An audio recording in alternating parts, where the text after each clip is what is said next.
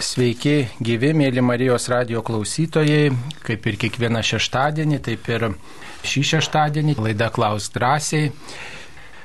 Šioje laidoje dalyvauja Kauno Pranciškaus Ksavero jėzuitų bažnyčios vicerektorius kunigas teologijos daktaras Algis Baniulis, garbėzu Kristui. Per amžinami. Taip pat prie mikrofono esu aš, kunigas Saulis Bužauskas. Taigi, mėly radio klausytojai. Galite pasiteirauti turbūt ir apie jezuitų vienuolyje, kas domintų, ir taip pat įvairius tikėjimo klausimus galite mums siūsti. Štai mes jau turime vieną tokią trumpąją žinutę atsiųsta mums į šią laidą. Mm, ko dar be šitonų ir nuodėmės reiktų nekesti? Čia išeina kaip antras didysis Dievo įsakymas - nekesk šitonų ir nuodėmės ar ne? Klausė Džiugas iš Vilniaus. E, na, su ta neapykanta reikėtų labai atsargiai mm, turbūt žodį neapykanta vartoti, ar ne? nes mes krikščionys esam tie, kurie sekėme paskui Kristų, kuris parodė artimo meilės pavyzdį. E, va, ir nekesti nuodėmės, nekesti šitono, tai reiškia tiesiog mylėti labiau Dievą ir mylėti už vis labiau tai, ką viešpats dovanoja, vis, e, patį viešpatį, jo šventuosius ir, ir tos meilės trokšti. Mm, o nekesti nuodėmės, tai reiškia turbūt nesusidėti su nuodėmė, ją ignoruoti, visai jos vengti. Vat ta, to, tą norima pasakyti, o ne ta prasme, kad degti neapykantą, kaip čia dabar man sutriuškinti nuodėmę, kokia ta nuodėmė šiokia tokia, bet tiesiog nieko bendro neturėti ir tiesiog ignoruoti. Kunigė, kaip jūs suprantate šitą nekesti nuodėmės? Taip, teisingai tai, pasakėte, kad didžiausias Dievo įsakymas tai yra meilė Dievui. Ir kai toji meilė mūsų širdie dega, tai nebėra vietos ir tai piktai dvasiai, jos veikimui. Taigi, kuo daugiau mes su Dievu atrasime santyki, ryšį, tuo labiau nebus vietos ir piktosios dvasios veikimams, veikimui ir gundimams. Todėl automatiškai, mylėdami mes, sunaikiname tą neapykantą arba piktosios dvasios įtaką. Taigi, pirmoji vieta yra meilė. Taip, Dievui. Meilė Dievui. Meilė Dievui. Ir um, nuodėmės kaltininkas, nuodėmės palaikytojas nuolat yra e, šitonas, tai ir atitinkamai ir šitonui turbūt nereiktų skirti dėmesio. Mes, kai domimės piktojo veikimu, piktojo strategija, taip pat, mm, taip pat, kaip sakant, tolstame nuo Dievo. Vis dėlto geriausias dalykas tai yra ignoruoti, ne, nepaisyti ir tiesiog rinktis priešingą dalyką. Mums paskambino. Juozas iš Kauno. Juozai, klauskite. Garbėzu Kristus. Per amžius. E, norėjau sužinoti Saliamono mamos vardą. Taip, Saliamono mamos vardas yra Betsabėja ar, arba Bečeba. E, tai štai e, Dovido Dovydas Saliamono tėvas, o mama Betsabėja, Bečeba, Urijo žmona, kuri, na, taip sakant, labai patiko karaliui Dovydui ir jis tą žmoną nuviliojo nuo to kariškio ir dėl to paskui daug kentėjo, atgailavo, ir, bet viešpats mato dalyvauja mūsų istorijoje, net kai renkamės nuodėmę, jis vis tiek pakreipia viską į gerą, matydamas mūsų, mūsų gyvenimo na, norą vis dėlto mūsų gyvenimo tokia krypti į jį krypstančią, ne, mūsų gyvenimą matydamas viešpats nori, kad viskas išeitų mm, į gerą. Va, ir pakreipia viešpats, jeigu tik tai mes bendradarbiaujam su Dievu. Tai vad karaliaus Davido istorija, santykiai su ta e, žmona, e, Saliamono motina, kaip tik tai tą ir išreiškia. Taip, dar viena žinutė Turiu didelį troškimą atlikti pirmuosius devynis mėnesio penktadienius. Paprastai pagerbiama Jėzaus širdis. Ir tai būna vakaro šventose mišiuose. Ne visada yra galimybė dalyvauti šventose mišiuose, tada priimu komuniją ryto mišiuose. tad noriu paklausti, ar užsiskaito būtent šis penktadienis, nes rytais paprastai mišios būna užmirusius. Na tai aišku, penktadienis yra e, penktadienis nuo tada, kada išaušta penktadienis iki pat vakaro, o ten jeigu kunigas aukoja mišes kitą intenciją ar panašiai, tai, e, tai jau yra, kaip sakyt, ne jūsų nei, nei kaltė, nei kas, nei jūs ten labai žinote ar galite pasirinkti kartais, tai tiesiog svarbu, kad jūs turite tą intenciją, štai pasiruošėt, pirmasis mėnesio penktadienis, pasnikaujam, kaip ir kiekvieną penktadienį prisimenam, kad tas penktadienis yra mm, ypatingai žinomas kaip Jėzaus mirties diena ir tą pirmąjį mėnesio penktadienį ypatingai tas pabrėžiama. Va, ir prisimenat Margaritai Alakok, šventai Margaritai Alakok duotus pažadus, kuriuos Jėzus davęs jai per regėjimus, kad tie, kurie melsis, tikrai devynis mėnesius, de, devynis mėnesių penktadienius, devynis pirmosius mėnesių penktadienius, mm, tie tikrai patirs tą ypatingą tokią malonę ir mm, tiesiog, kai bus kai bus ta mirties akimirka, tikrai e, tą susitaikymo malonę patirs. Tai Tikrai tas pamaldumas yra žinomas, pripažintas bažnyčios, nes tai skatina žmonių, žmonių tokį eucharistinį pamaldumą, pagarbą švenčiausiai Jėzaus širdžiai, skatina išpažinties tą šventimą, skatina dalyvavimą mišiuose, sakramentinį gyvenimą ir tai tikrai žmonės atveria Dievo malonę ir daugybė liūdimų yra apie tai. Ir jeigu ir priimat ir gėdulinėse mišiuose,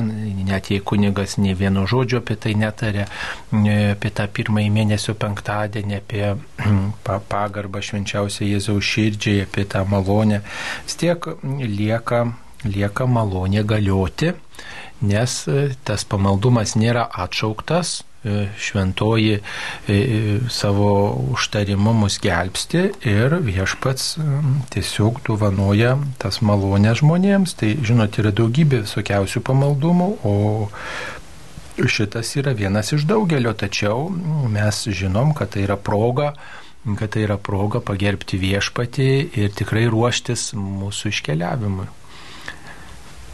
Taip gal kunigėt norėsite ką pridėti? Tik jau visą, beveik viską pasakėte, dar galiu paantrinti tai, kad visos mišios yra visada aukojamos už gyvus ir mirusius. Taigi nesvarbu, kad kartais paskelbama intencija yra užprašoma melsis kokią intenciją užmirusi, tai bet visada galima, norint kitą intenciją savo pridėti, visada galima aukoti. Tikintis žmogus gali ir savo intenciją melstis ir aukoti tas, tos, tose mišiose. Taip kad visada atliekamas tas, ta pareiga pirmojo penktadienio, nesvarbu, ar tai būtų rytas, ar tai diena, ar vakaras, svarbu, kad dalyvaujame mišiose, o mišių visų auka yra vienoda, tai yra Kristaus auka. Taip kad dėl to, kad nėra galimybės pirmadienį rasti, kur būtų aukojamos mišios, ne negėdolingos, tai jauskitės drąsiai ir, ir ta jūsų pareiga arba jūsų nusiteikimas tuos pirmosius penktadienius pildyti, jūs atliekate ją. Taip, mums paskambino. Zita iš Kauno. Per amžius. Čia tokių klausimų, aš tiesiog galbūt ne į temą kalbu. Aš esu padaręs tokį pažadą ir ieškau pirkti, gal kas turi parduoti. Esu čia rašius ir žinutę ir kunigui, bet turbūt pagalvojau, kad nesamoninga. Ieškau pirkti Marijos statulą pavogtai, iš senos koplytėlės pavogta Marijos statula.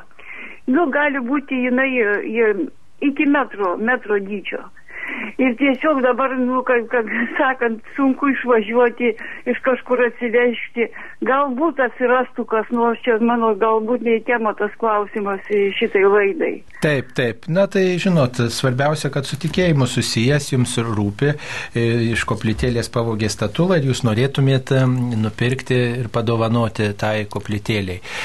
Tai tikrai, jeigu kas nors turite gražią statulą, Marijos švenčiausios mergelės Marijos e, statulą, tai tikrai galite mums parašyti žinutę arba paskambinti, o gerbiamą klausytoją turbūt kviestume dar kartą paskambinti operatoriui ir pasakyti e, savo telefono numerį, kuriuo e, galėtume jums perteikti tų kontaktus tų žmonių, kurie norėtų jums ar padovanoti, ar kažkaip perleisti švenčiausios mergelės Marijos skulptūrą. Tai tikrai dar kartą paskambinkite mėloji klausytojo operatoriui, jisai užsirašys jūsų kontaktus, o tie, kurie gal gaminate arba turite štai įsigiję ir norėtumėt padovanoti koplytėlį, maloniai kviečiame atsiliepti. Taip tęsėme mūsų laidą. Ir štai dar viena žinutė atėjusi. Kaip patartumėte atlikti kasdienę sąžinės peržvalgą ir kokius esminius klausimus kelti? Na tai jezuitai, kiek žinau, garsėja e, ta malda, tos maldos mokykla, sąžinės peržvalgos malda, kad štai viena svarbiausių dienos maldų yra, kaip galėtume patarti klausytojui. Taip, turbūt peržvalgoj pats svarbiausias dalykas tai yra Dievo šlovinimas. Kai mes išreiškiame savo meilę, savo pagarbą Dievui ir nebūtina įsijungti visą laiką per sąžinės tą peržvalgą, vien tik tai galvoti apie blogus dalykus, ką aš padariau, arba ieškoti visą laiką graužti save kad aš netai pasielgiau arba netą pasakiau, netą padariau. Tiesiog prašyti Dievo, dėkoti Dievui ir prašyti šviesos, e, kaip toliau aš galėčiau geriau gyventi, kažką daugiau šviesos paskleisti apie save, nes mes visi esame siunčiami nešti gerąją naujieną žmonėms. Todėl tinka vakare tiesiog ne plakti save už savo blogus darbus, aišku, reikia pagalvoti ir kaip e, jezuitai irgi e, ta magis yra veikimas tas magis, ką galėčiau daugiau padaryti. Šiandien padariau tai ir tai ir kažko, kažko man nepasiseka gerai atlikti arba kažkokie santykiai su kažkokiu žmogumi nėra visiškai geri. Tai gal man iš karto nebus Dievo duota arba aš nesugebu iš karto pakeisti to savo elgesio. Todėl reikia prašyti arba stengtis rytoj magis padarysiu. Tai yra trupučiuką daugiau. Visko padaryti žmogus negali iš karto. Būtų gerai, kad mes kažką pasiryštame ir, ir iš karto tampame tobuli. Bet visas gyvenimas duotas, kad mes po trupučiuką eitume tobulumo keliu. Taigi tas sąžinės sąskaita tai yra ta, tie laiptai, kurie mums padeda kopti Dievą. Dievą šlovinant, garbinant, atsiprašant ir prašant pagalbos. E, tai bendrai, taip trumpai galima būtų taip apibendrinti. Iš draugystės su jezuitais tai esu išmokęs e, tokį dalyką, kad e, nereikėtų gal pradėti nuo tokių liūdnų dalykų, kur čia nepasisekė per dieną, kur čia susimoviau, kur čia ką padariau blogo, bet pavyzdžiui, kiek teko bičiuliautis e, ir taip kalbėtis dvasiniam temom ir, ir tą dvasinį palidėjimą iš jezuitų patirti, tai, e, žinot, svarbiausia yra na, peržvelgiant dieną, pažiūrėti, tokie, kokie gražūs dalykai buvo šiandien, va, nuo to pradėti.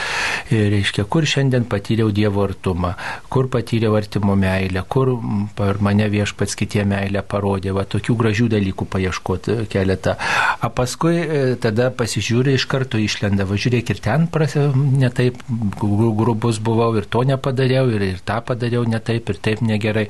Na ir tada, va, reiškia, matosi mūsų tie trūkumai. Nu, tai va, už tuos pirmosius padėkoju ir padėkoju už tai, kad viešpats leido, leido pamatyti trūkumus ir aš nuoširdžiai tada atsiprašau, tada va, su tokia e, Dievo meilės patirtimi, e, e, tada jau ir užmigti galima va, e, labai ramiai, ne, ne tai, kad tik tai apie blogį galvojant, bet ir gerus dalykus prisimenat ir tada tos meilės ir pasiryžimo keistis truputėlį daugiau yra. Tikrai labai vertingas jūsų klausimas, labai sveikinu ir labai džiaugiuosi, kad tokį klausimą uždavėte ir kad tai svarstote. Tikrai bravos ir viešpats tegul veda į gilumą. E, tarp kitko, man atrodo, tik neprisimenu autoriaus, neseniai yra išėjusi jezuitų tokia knygelė Sąžinės peržvalga. Tai va, ten daug labai naudos rasite tą knygelę skaitydami kažkokio užsienio autoriaus, bet katalikų leidiklos išleista, katalikų pasaulio leidiklos. Taip mums paskambino. Antanas iš Kauno. Taip, Antanai, sveiki. Labą dieną. Sveiki. E, mano būtų toks klausimas. Žinome, kad prieš kelias dienas gėjai įteikė vyriausybei prašymą dėstyti jų istoriją mokyklose, santokai, įsivaikinimui. Šiandien paradas Kaune, o bažnyčia tyli. Kas tai yra? Tolerancija ar pateikavimas valdžiai ir visai tai sistemai? Nu, kuo bažnyčia tyli, tai matot, bažnyčia esam visi mes pakrikštytieji, tai va ir, ir, ir, ir šitą ir reikia pakrikštytiesiems kalbėti, o ne kažkam bažnyčioje ten atsistojus prie altoriaus aiškinti taip ar kitaip. Va. Bažnyčios uždavinys pirmiausia yra skelbti Dievo žodį, žinia apie Dievą, žinia apie tikėjimą e, ir, ir stiprinti tai, kas, na, tai, ką, ką viešpats laimina ir tai, ką viešpats mums teikia tai parodyti. E, pasisakyti kai kuriais visuomenės klausimais, aišku, bažnyčios atstovai gali ir tą daro. Na, kartais galbūt išmintinga yra ir patylėti, žinot. Aš tai sakyčiau šitai temai, kurią jūs čia suminėjot, gal mes truputį ir per daug dėmesio skiriam ir, ir to gal ir trokštama. Mes kaip tik tai krikščionys stiprinkim šeimos instituciją, kalbėkim šeimose, bendruomenėse apie tai, kas yra nuodėmė, apie tai, kas yra nenuodėmė, kalbėkim kalbėkim e, apie tai. Ir mm, tiesiog mm, ginkim šeimą ir, ir taip pat e, parodykim to, to šeimos santykių grožį, pabrėžkim tai, tai yra svarbiausia. O kad ten mokyklose kažką nori, nori dėstyti, nu tai matot, švietimo yra institucijos ir reikia švietimo institucijom spręsti. Dabar tėvai, kurie leidžia savo vaikus, tai jie yra tie bažnyčios nariai ir jie gali ir protestuoti, jeigu jie nepritarė, jeigu jiems tas atrodo nepriimtina. Tėvai yra bažnyčios nariai nariai, tėvai yra krikščionys, tėvai yra katalikai ir jie, ir jie turi rūpintis, kas vaikam teikiama, ko vaikai mokomi mokyklose ir, ir visur kitur. Ir jie te pasisako, tai štai ir bus tas bažnyčios balsas, kad mes tėvai nenorim, mes tėvai norim, mes tėvai pritarėm, mes tėvai nepritarėm. Ir, ir, ir, ir, ir tai bus daug stipriau ir daug reikšmingiau ir, ir daug aiškiau, va, ko tėvai nori savo vaikams, va, o, o ko tėvam nori norėtina, tai mes sprendžiam pagal, e, katalikai sprendžiam pagal bažnyčios mokymą doros ir moralės dalykuose. Ar tu vienos orientacijos ar kitos orientacijos, kiekvienas yra pašauktas į skaistumą, į pagarbą kitam, į artimo meilę, tokią pagarbę, išmintingą ir, ir, ir tai yra svarbu. Kunigė, ką pridėsi dar? Kaip sakome, bažnyčia e, kviečia, tai yra tikintieji, kiek, kiek, kiek girdėjau ir radau įvairiose mm, e, e, žiniasklaidos priemonėse kvietimą melstis, ypač šią dieną už, už tuos žmonės, kurie organizuoja šitą, šitą eiseną. Ir aišku, kaip, ką tik kalbėjęs kolega sakė, kad reiškia, mes visi esame bažnyčia, ne, ne, ne tik viskupai, kunigai, kiekvienas tikintysis sudarome bažnyčią. E, todėl kiekvieno kalbėjimas e, arba malda, prašymas Dievo pagelbėti, kad žmonės suprastų, kad nėra ko demonstruoti kai kurių dalykų, kurie nu, su žmogaus prigimtimi ne visada sutinka, reiškia, ir pasimelsti, kad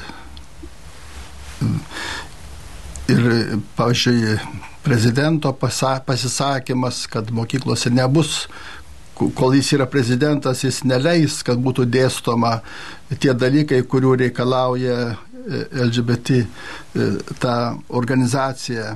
Tai tam tikra, tam tikra tokia visada tarp gėrio ir blogio, tarp įvairių e, žmonių yra skirtingos nuomonės, tas susiskaldimas visą laiką buvo ir jis bus, todėl ta kova niekada nesibaigia, nesibaigs, kol, kol, kol egzistuoja žmonija, vienos problemos pasibaigia, atsiranda kitokios, todėl neveltui buvo sakoma viešpatis, būdėkite ir melskitės. Todėl ir dabar esame visi mes kviečiami melsis, kad ir šiandien, ir, ir, ir, ir visų laikų, reiškia, ir tie sprendimai, kurie priimami Seime, būtų neprasi, neprasižengtų su e, mūsų prigimtim, su, su, su tikėjimo normomis, kad žmonės vieni kitus, aišku, nereikia, kad iškai vieni ant kitų e, piktų ar vieni kitus e, pravardžiuotų, erzintų, bet priimti tą Dievo kūrinyje tokią, kokia ji yra ir padėti visiems siekti galutinio tikslo. O mūsų visų tikslas tai yra E, tobulumas, šventumas, Dievo garbė pas Dievą, kad visi jį pasiektume ir kad nepamirštume, ką mes gyvename šioje žemėje. Tai, mėly Marijos radio klausytojai, tikrai galime visi kartu e, melstis kartu su Marijos radiju, kada e, štai kalbama rožinio malda ir kada tikrai e, daugybė žmonių įvairiose vietose meldžiasi kartu, tai nuoširdžiai tą padarykime su, su tikėjimu, su meile, su pagarba kitiems žmonėms ir, ir prašykime išminties, šventosios dvasios dovanų, kad e, teisingų Dievo įsakymų keliu eitų kiekvienas žmogus mūsų tėvynė ir visame pasaulyje. Mums paskambino. Stanislava iš Kauno. Taip, Stanislava, klauskite. Per amžius aš noriu, noriu papasakot, kaip aš vakar adoravau Marijos radijui. Labai sunkiai, pa, labai sunkiai pasiekiau Marijos radiją. Visa gatvė, Vilniaus gatvė, visa iškasta. Ėjau ratais, ėjau, kol aš suradau Marijos radiją. Aš pervargau, sušilau ir atėjau į koplyčią, pavargusi. Bet žinokit, per tas trys valandas, kokią aš palaimą pajutau aš parvažiavau namo, aš nežinau, kokį džiaugsmą širdį turėjau, tokį lengvumą, turėjau sunkių minčių, viskas dingo, viskas niekas. Man tiek buvo gera, tiek buvo ramu ir aš noriu paprašyti, kad adoruokit žmonės. Namuose, ką meldiesi, vis tiek blašku, tai tas, tai tas akis lakstu. O tenai aš buvau viena jokius mintis pašalinis nelindo, aš buvau atsidavus. Nu, žinokit, koks buvo lengvas, kaip buvo gera, aš negaliu išreikšti. Tai tiek norėjau pasakyti. Ačiū. Taip, ačiū, ačiū. Primenu mėlyms klausytojams, kad mm, Kaune Marijos radijo koplyčioje vyksta kiekvieną dieną švenčiausio sakramento adoracija. Tai tie, kurie norėtumėte įsijungti į šią adoraciją tikrai skirti valandėlį, ypač tie, kurie gyvenate Kauno apylinkėse. E, net ir iš toliau žmonių yra atvažiuojančių, tačiau labiausia turbūt Kauno apylinkėse patogiausia, tai maloniai kviečiame prisijungti ir tikrai pabūti tyloje, ramumoje prie švenčiausio sakramento, o taip pat ir kiekvienoje bažnyčioje įvairių laikų vyksta švenčiausio sakramento adoracija. Tiesiog jūs galite pasiteirauti klebono, jeigu nėra skelbimuose, kada vyksta švenčiausio sakramento adoracija jūsų bažnyčioje. Taip, ačiū visiems. Toliau žiūrime, kokios žinutės mums atsiustos. Kodėl tai bijome pabėgėlių ar kunigai, viskupų bus siunčiami į pabėgėlių centrus juos palydėti. Na tai, žinot, pabėgėlių sielovada reikalauja turbūt kelių dalykų. Visų pirma, reikia mokėti kalbų. E, jie nekalba pabėgėliai lietuviškai, jie nekalba e, net kartais net ir angliškai arba kitom kalbom sunkiai kalba, jie iš tokių kitų kraštų, mm, ne iš Europos jie yra, tai reikia šiek tiek mokėti net ir ne Europos kalbų. Tarp kitko, kardinolas Audrys Juozas Bačkis aukojo šventasias mišes pabėgėlių stovykloje, buvo susitikęs, bendravo su jais e, ir dovanėlim apdovanojo, žodžiu, tai, tai yra tas susitikimas, ta, tas dėmesys bažnyčios ir pasakojo, kad e, atėjo atėjo ne tik tai katalikai į šventasias mišes, bet ir musulmonai na, meldėsi ir, ir tiesiog vat, prieimi. Kardinolas moka keletą užsienio kalbų, mišes aukojo prancūziškai, tai e, jie ten, kai kurie kalbėjo prancūziškai, tai, tai žodžiu, ta galimybė buvo bendrauti. Na va, tai aišku, kad viskupai apie tai galvoja ir tikriausiai, kad ir pas jūs kunigus, kiek žinau, važiuoja, važiavo ir, ir salėziečių vienuoliai, čia anksčiau, šiek tiek anksčiau, ten aukoti šventasias mišes, nes ten tarp jų buvo žmonių iš Azijos, tai mokėjo to krašto kalbas, tai Tai tiesiog yra ta silovada ir, ir, ir tiesiog yra tas dėmesys šioks toks. Aišku, visada jo gali būti daugiau, o šiaip tai karitas renka įvairias, įvairius rūbus, įvairius daiktus. Čia ir Kaune teko matyti, ir, ir, ir, ir Vilniuje teko matyti, kad karito žmonės renka įvairius rūbus ir dovanoja tiems žmonėms. O kodėl bijoma pabėgėlių? Nu, kodėl bijoma? Dėl kelių priežasčių. Visų pirma, jie yra svetimo krašto žmonės, ar, ar tikrai mes lengvai svetimą žmogų įsileidžiam į savo namus. Tai neįsileidžiam nei savo butą, nei savo kambarį, žmogaus, kurio visiškai nepažįstam, žmogus, kuris atvykęs iš svetimo krašto. Tai vienas dalykas. Antras dalykas - kita kultūra, kita, kitos tradicijos.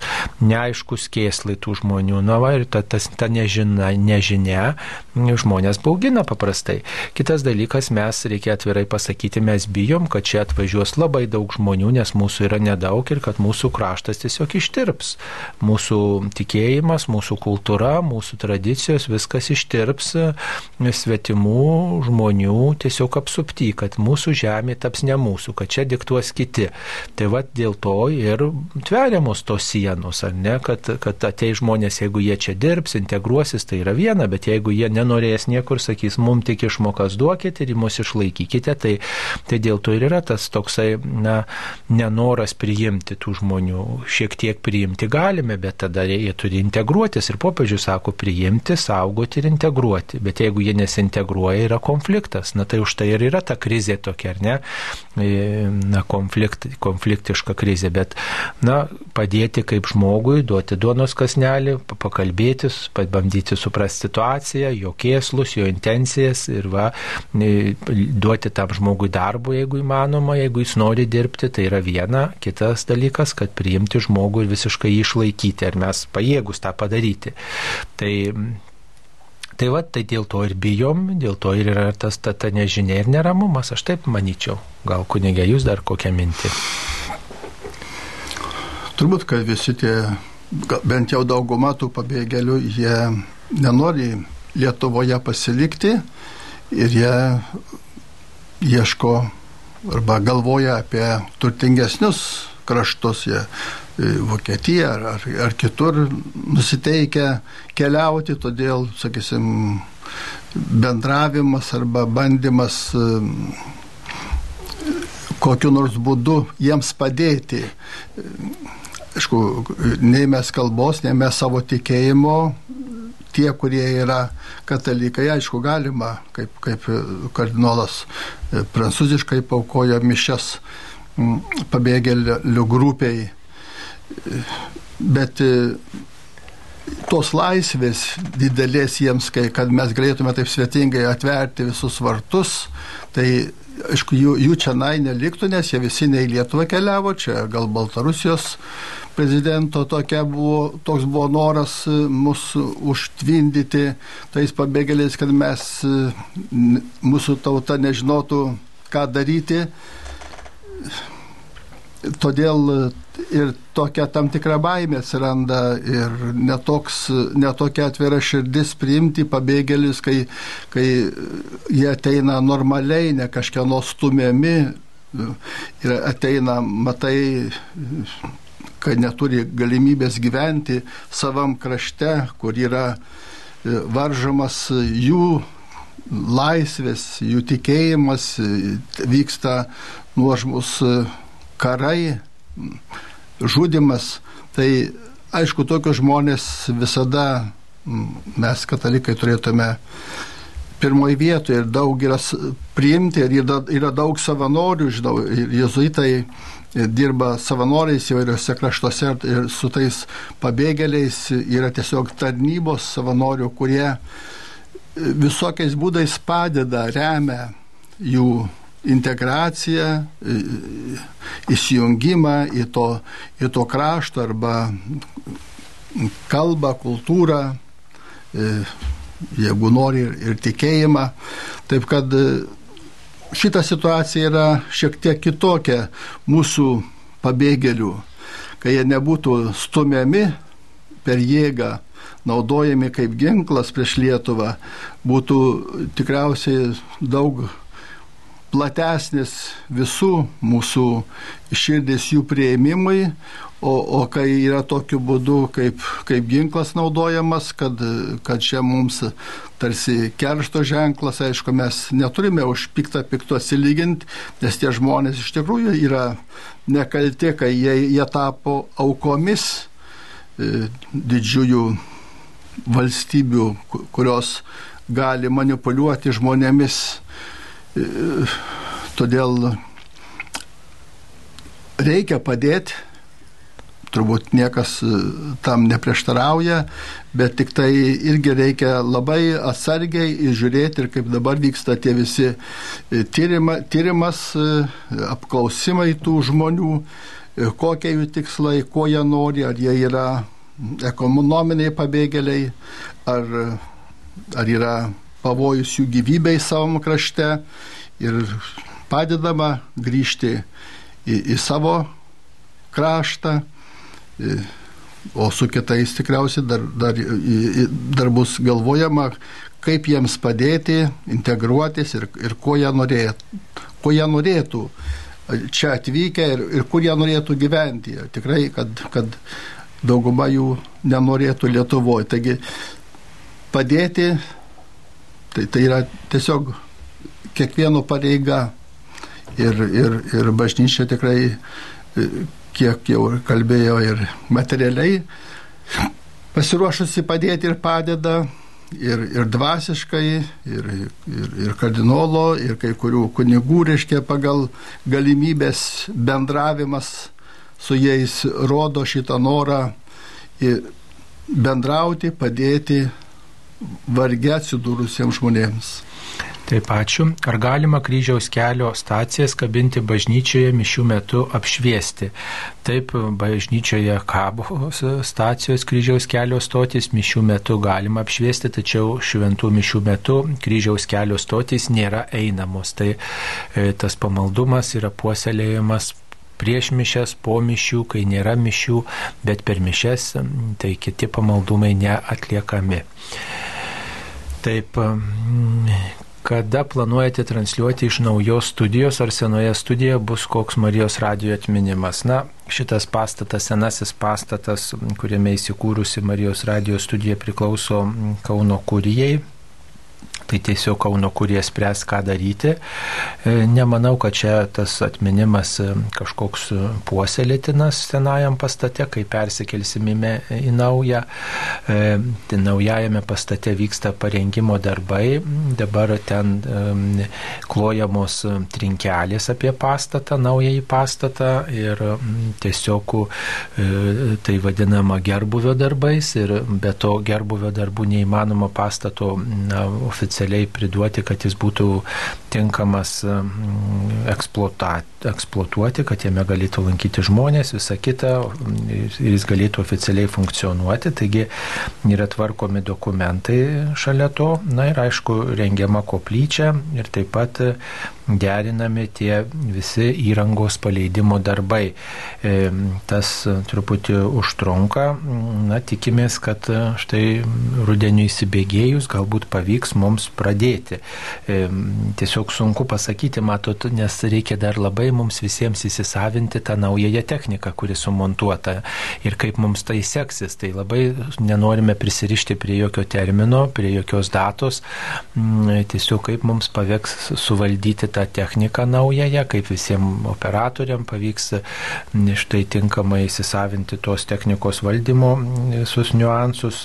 Tai, e, žinot, reikia ir čia dirbti, ir ten dirbti. Tai tu tarsi išeis tokie dvigubas darbas, tarsi dvi studijos turės funkcionuoti. Viena ta, kurią jūs girdite, o kita, kuria mokomasi, kurioje mokomasi dirbti. Va. Tai, tai žinot, tas reikalauja tokių resursų ir na, mūsų labai yra nedaug ir ir tiesiog mm, jau ir taip dirbam pilnu pajėgumu, net ir atostogavo žmonės šiek tiek ir tai, žinot, reikia labai įsitempus dirbti, vieniem kitus įsitempus pavaduoti. Tai, tai žinot, tai, tai nu, yra daug tokio sunkumo, daug tokio rūpeščio ir dėl to Dėl to, žinot, neaišku, neaiški ta tiksli data, bet darbai vyksta, tikrai judam į priekį ir tikrai linkim visiems kantrybės. Darbai jau beveik visi baigti, tik tai lieka tokie kuklus baigiamieji darbai, žinot, tokie tvarkymo darbai, ir, ir, ir įrengimo, persikraustimo darbai, na tai tas viskas, žinot, irgi, irgi užtrunka, bet ačiū visiems aukotojams, ačiū visiems, kurie statė čia tą pastatą, kurie pastatėt, kurie lėšas aukojote ir, ir, ir techniką įsigijome, ir baldus įsigijome, ir, ir tikrai naujas gražus pastatas, ir, ir sulaukė tikrai daug visokiausių gražių atsiliepimų. Ir, ir žodžiu, na, funkcionuos Marijos radijas ir toliau jūs palaikysite. Jūsų radijas, jūsų išlaikomas, už jūs meldžiasi, su jumis meldžiasi ir taip pat, na, radijas, kuris ugdo visus mūsų Lietuvos žmonės ir net tuos, kurie gyvena toli už Lietuvos. Tai ačiū visiems. Taip, dar viena žinutė. Ką duoda sielai dažna šventoji komunija? Ar yra gera knyga Jėzaus siris ir šeimyna. E, dažna šventoji komunija, ką duoda sielai, kunigė, kaip atsakytume.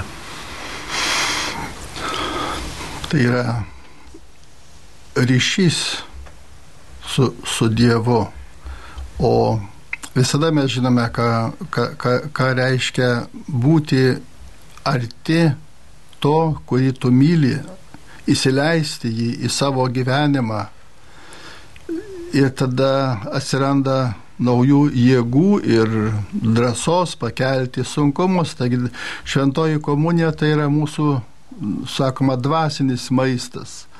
E, Kristus sakė, ne vien duona žmogus gyvas, duona, kuri mūsų kūną stiprina, dvasiai yra irgi duodama maisto.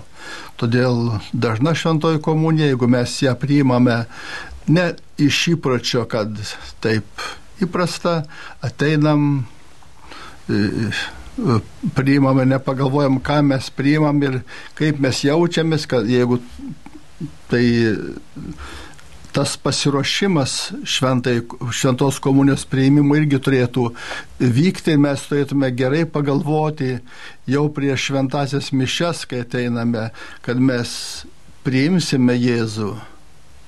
Jeigu svečia, kai priimam, tai mes žinom irgi ruošiamės gal kelias dienas viską sutvarkom, iš, išvalom, su, išvarėm taip ir šventąją komuniją, norėdami priimti, kad tai nebūtų tik šablonas kažkoks įpratis. Taigi kviečiu iš tikrųjų visada gerai pasiruošti, nusiteikti ir įsileisti Jėzų ir leisti jam veikti mumise, kad priimant jį, priimant tada ir Dievo valią, kokia jį bebūtų, ir tada nesunku gyventi su, su Dievu, kai jį priėmė į savo gyvenimą ir priėmė Dievo valią kartu su juo. Taip, apie knygą čia nelabai suprantu, kokia čia ta knyga yra. E, tai negalėčiau pasakyti, tiesiog nieko negaliu pasakyti, nes tiksliai reikia žinot knygos pavadinimą. Taip maždaug, tai žinokit, sunku pasakyti. Taip, e, kviečia e, melstis už taiką ir už tuos, kurie keliauja, keliauja žygyje. Taip iš tiesų melžiamės ir kviečiame melstis ypač rožinio maldą. E, taip, e, dar viena žinutė. Visuotinių atlaidų sąlyga atleidimo sakramentas, o prieš savaitę buvau iš pažinties, smulkių nuodėmių yra, ką patartumėte. Na, pirmiausia, turbūt spręsti turi pats žmogus, ne apie savo sąžinės būseną. Patarti iš šalies, taip, žinot, labai sunku, ne, kunigui nejaučiant, ne, ne, negirdint žmogaus, reikia vis tiek konkrečiai matyti žmogų ir su juo kalbėtis. Tai tada galima paraginti, atlikti išpažinti, jeigu žmogaus sąžinė nerami. Tikrai atlaidų progą galima atlikti išpažinti net ir tada, kai esu neseniai buvęs buvęs iš pažinties, nes yra daugiau nuodėm klausių ir apie tai pagalvokit, atvažiuokit šiek tiek anksčiau ir panašiai. Jeigu tikrai neturit sunkių nuodėmių ir tikrai yra tik smulkios ir neturit ir net pažįstat savo sąžinį, net ir pasimeldę, tai galite eiti tiesiog komunijos, nuoširdžiai atsiprašę už savo nuodėmės, bet tikrai atsiprašykite ir tą tokį, nu, troškimą neprisirišti prie jokios nuodėmės puoselėkite, nes pačiais mišių tekstais atgailos malda nuodėmės yra atleidžiamos ir ypatingai tos visos pamaldžios praktikos, kurios yra atlaidų metu, jeigu jūs ir apmastysit kryžiaus kelią ir, ir dar rožinį pasimelsit, tai taip pat na, atgailos nuotaika augina mumise. Tai tai tikrai galite ramiai eiti šventos komunijos, jeigu visai neseniai buvote iš pažinties ir neturit e, sunkių nuodėmių. Taip, dar viena žinutė. E, taip, dar viena žinutė. Mm. E, dvasios vadovo pasirinkimas, kaip rasti tinkamą, kokie turėtų būti kriterijai, juk tai didelė Dievo malonė apie dvasios vadovą, ką galėtume pasakyti. Kiek atsimenu iš, iš savo dvasios vadovo, tai jis iškia, sakydavo ir man ir kitiems sako, visada reikia rinktis ne kiek šventą, kiek išmintingą dvasios vadovą, šia, kuris padėtų turbūt nukreipti tą savo gyvenimo kelią į Dievą.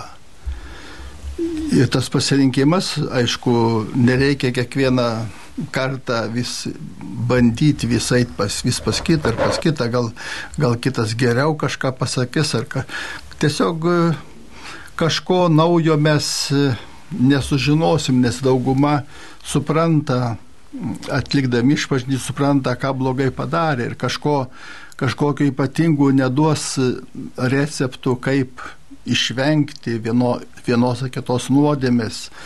E, bet reikia tiesiog pasitikėti e, tuo nuodėmklausiu, dvasios vadu, kuris ir, ir, ir kartu ir iš pažinčių klauso ir gali palydėti gyvenimo kelioniai, nes visus sprendimus praktiškai turi padaryti pats žmogus, reiškia, apsispręsti, nes jo sprendimai, nes jeigu kažkas įvyktų, arba ne taip, paskui ne, nereikėtų kaltinti, kad man taip kunigas pasakė, arba dvasios tėvas taip patarė, bet, reiškia, gali patarti, bet galutinį sprendimą visada padarome kiekvienas mes patys, reiškia, apsisprendžiame. Taip kad tas dvasios tėvas yra labai gerai turėti gerą dvasios tėvą, bet išsirinkti, kokiu būdu Čia kiekvienas apsisprendžia pats. Kokį, kaip, kaip. Nu, pirmiausia, reikėtų melstis į šventąją dvasę. Pavyzdžiui, jeigu jūs norite pasirinkti dvasios tėvą, reikia melstis, sakykime, pasirinkti noveną. Jis, vat, keletą dienų iš eilės, devynės dienas iš eilės, melskitės į šventąją dvasę, prašydami šviesos, prašydami, mm, e, kad Dievas parodytų tą žmogų, leistų suprasti, kuris tas žmogus mm, e, jums skirtas ir su kuriuo galite susitikti, bendrauti, atvirauti jam, pasitikėti į jo žodį priimti. Vienas dalykas. Antras dalykas, reikia skaityti ir ženklus, kokius Dievas duoda mums. Tai įvairūs tie ženklai mūsų gyvenime yra ir tiesiog rinkitės iš tų, e, iš tų nuodėm klausių, pas kuriuos jūs einate ir kurių žodis jūsų širdin, e, širdin pataiko, kurio, kurio žodį jūs priimate, kuris žmogus jums yra tikrai autoritetas, kuriuo galite remtis ir kurio klausote ir, ir kurio žodį apmastote, patarimą priimate. Va. Ir, Ir, ir dar vienas dalykas, tai yra, mm, kad e, vis dėlto, jeigu jau pasirinkome, e, pasirink, pasirinkus vis dėlto turėti nuolankumo priimti. Tad nuolankumas labai svarbu šitoje vietoje, nuolankumas, nuolankiai priimti patarimus, nuolankiai mm, susitikti su juo ir tikrai nekeisti dvasios tėvo, nemainyti taip labai dažnai be rimtos patikimos priežasties tokios. Va, na ir taip pat tiesiog iškelti savo klausimus, ko, kodėl aš to dvasios tėvo noriu, ko, ko, kuom jis man reikalingas, tas dvasios tėvas, kokiu tikslu aš, jį, aš jo ieškau, ar čia mados reikalas, ar, ar iš tiesų noriu, noriu tiesiog pažinti savo pašaukimą ir tis giliau ir panašiai. Na tai galbūt tos dvasios tėvo paieškos gali prasidėti dalyvaujant rekolekcijose. Pavyzdžiui, yra galimybės įvairiuose vienolyjose vyksta rekolekcijos, tiesiog tada galima paragauti to dvasinio vadovavimo, kas tai yra, ypač kai yra asmeninis palydėjimas rekolekcijose, tėvai jezuitai organizuoja tokias rekolekcijas. Žinotina, kad dvasinis palydėtojas gali būti būti ne tik kunigas, ne tik vienuolė, bet ir pasaulietis žmogus. Ir tą rekolekcijose praktikuojam, kai tiesiog susitinkam su dvasiniu palidėtoju kelis kartus per dieną ke, e, rekolekcijose ir tiesiog kalbam, kaip mums sekasi, kai dalinamės maldos e, vaisiais, maldos patyrimu ir, ir viena vertus ir mokomės to, to dvasinio vadovavimo, kita vertus mokomės klausytis Dievo ir mokomės apie tai kalbėtis. Tai, tai va tokia, tokia būtų, tokie būtų patarimai šitos ryties. Popiežius pasisakė už pabėgėlių integraciją į visuomenę, bet kaip galima integruoti musulmonus į krikščionišką kraštą, jei jie už atsivertimą yra persekiojimai ir net nukertama galva. Na tai e, nebūtinai e, ta integracija reiškia, kad tas žmogus priims krikščionišką tikėjimą. Jisai gali būti ir musulmonas, gali būti ir netikintis, bet jis integruojasi į šito krašto gyvenimą. Jisai mokosi kalbos, jisai mokosi, e, mokosi tradicijų, mokosi papročių, priima šitos kultūros tiek, kiek gali. Jisai dirba kažkokį darbą, ar ne? Tai, tai ir yra integracija, jisai priima šito krašto gyvenimo taisyklės. Ir jo tikėjimas gali būti ir nekrikščioniškos, gali būti ir kitoks, arba gali būti visai netikintis, bet jei nusiteikęs vis dėlto gyventi šiame krašte ir priimti šio krašto papročius, prisidėti prie šito krašto gerovės, laikosi šito krašto įstatymų, e, išmoksta kalbą, tai laikosi įstatymų, tai ir yra integracija. Ne? Kai, kai žmogus priima ši, šito krašto gyvenimo visą ritmą.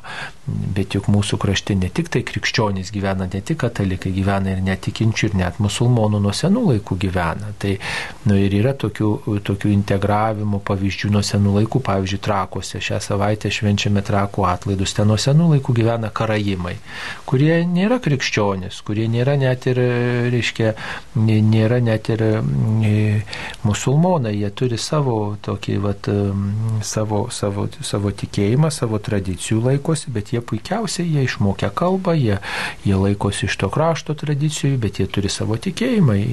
Nuo Vytauto didžiojo laikų jie yra integravęs į šitą kraštą ir jie ir, jie ir gerbė e, krikščionių tikėjimą, bet jie turi ir savo ir, ir puikiausiai sugyvena šimtmečius. Tai vat, yra tas integravimosi pavyzdys labai aiškus. Ir, ir taip pat ir kitų, kitų šalių, kitų kraštų žmonės integravęs yra. Tai e, mes turbūt ne, neišvengiamai e, turėsim kažkokį dialogą puoselėti su kitų kultūrų žmonėmis, nes matom, kaip pasaulis maišo, maišosi. Žiūrėkit, lietuviai nėra turbūt giminės, iš kurios nebūtų kažkas išvykę į užsienį, daug ilgiau ar, ar trumpiau užsienį darbavęsi, gyvenę, gyvena, yra mišrio šeimos ir nu, tai yra šito pasaulio nu, ta tokia žymė, šito laikmečio žymė.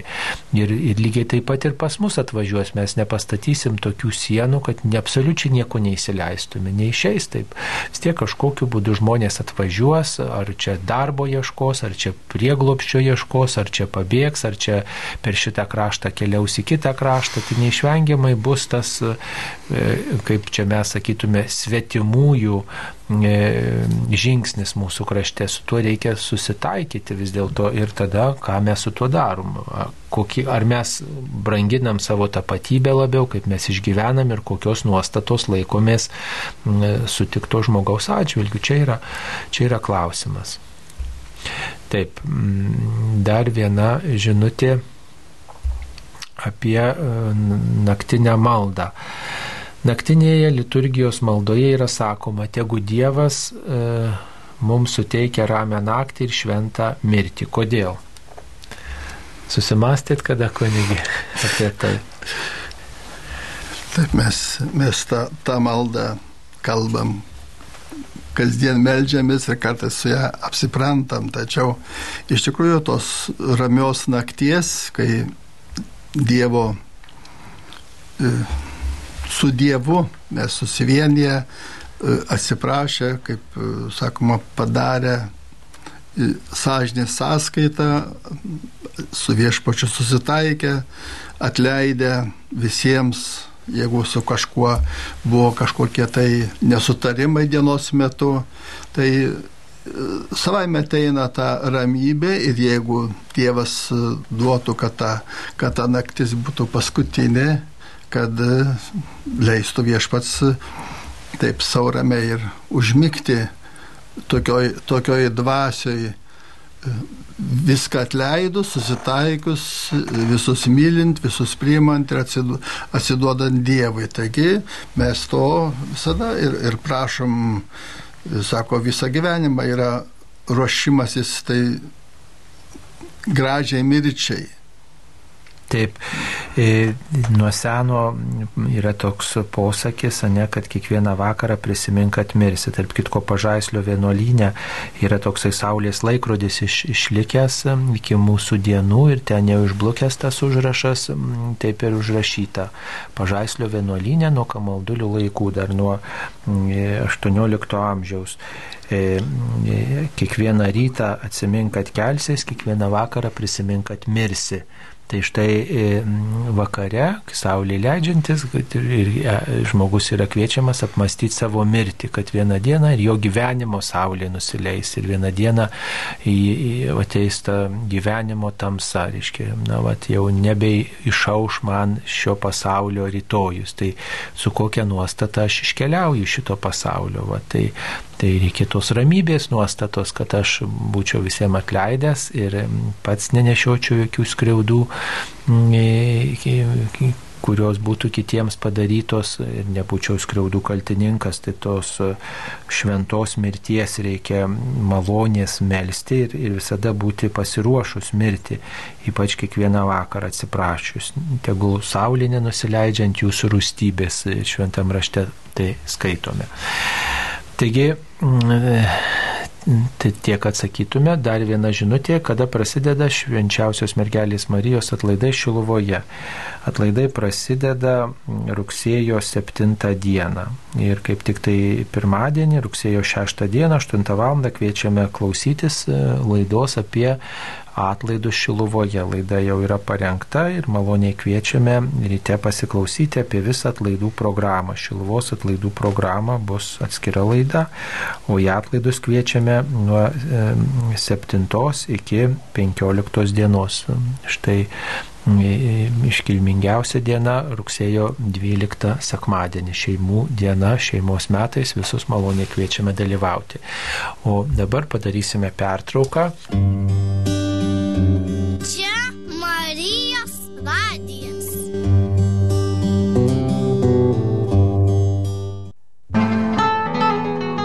Malonus Marijos radio klausytojai, dėkojame Jums už Jūsų nuolatinės maldas bei aukas ir primename, kad šią savaitę aukos Marijos radio veiklai ir statyboms renkamos nuo rugsėjo 1 iki 8 dienos trakų švenčiausios mergelės Marijos apsilankimo bazilikoje, kur vyksta didieji trakinių atlaidai. Marijos radijos savanoriai lauks jūsų per visas šventasias mišes bazilikos gale o pagrindinė atlaidų diena rugsėjo 5 ir šventoriuje.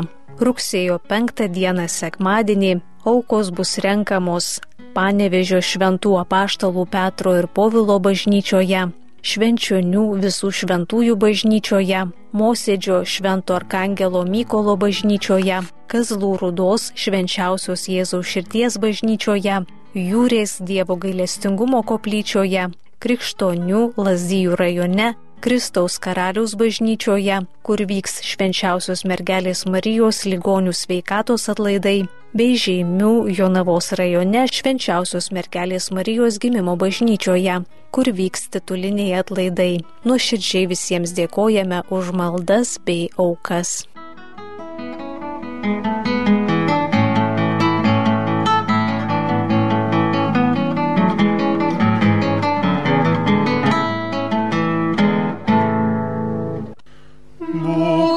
Pasveikinta, švenčiausioji mergelė.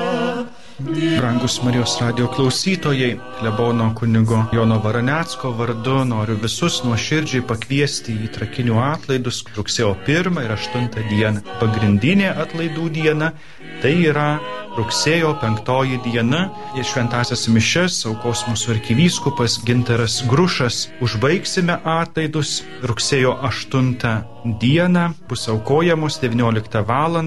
iškilmingo švenčiausios mergelės Marijos garbei skirtos lotynų kalba ekstraordinarinė forma šventosios mišios. Taigi visus nuoširdžiai kviečiame, visų lauksime, kviečiame visus atnaujinti santyki su Dievu atrasti švenčiausią mergelę Mariją kaip mūsų pasinę motiną, kuri mus lydi, palydi į dangaus karalystę. Mums užtekėjo išganimo aušra. Kiekvieną dieną nuo rugsėjo 1 iki 6 dienos Marijos radijas transliuos 11 val. 20 rožinio maldą, 12 val. šventasias mišes Junkimės į bendrą maldą. Radio savanoriai visas atlaidų dienas rinks aukas radio išlaikymui bei naujos studijos ir koplyčios įrengimui. Savanoriai lauks jūsų trakų švenčiausiosios mergelės Marijos apsilankimo bazilikos gale, o rugsėjo 5 dieną, pagrindinę atlaidų dieną ir šventoriuje kviečiame atvykti. Tu es en Dieu fort, et nous célébrons Dieu de tendresse miséricorde et ton amour. Tu es grand Dieu, Pokalbių laida Klausk drąsiai.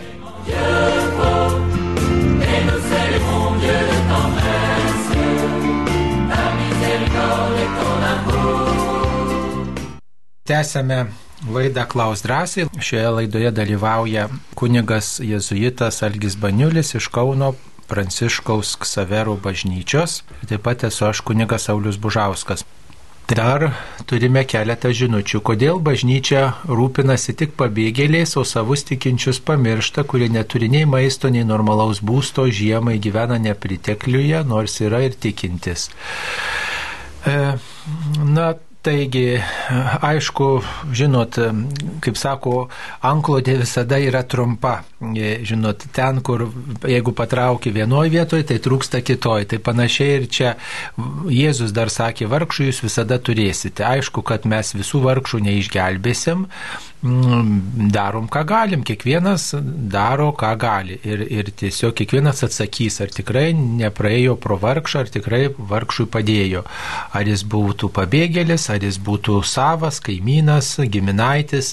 Tai kur jūs matot, kad reikia pagalbos, ten ir padėkite. Va.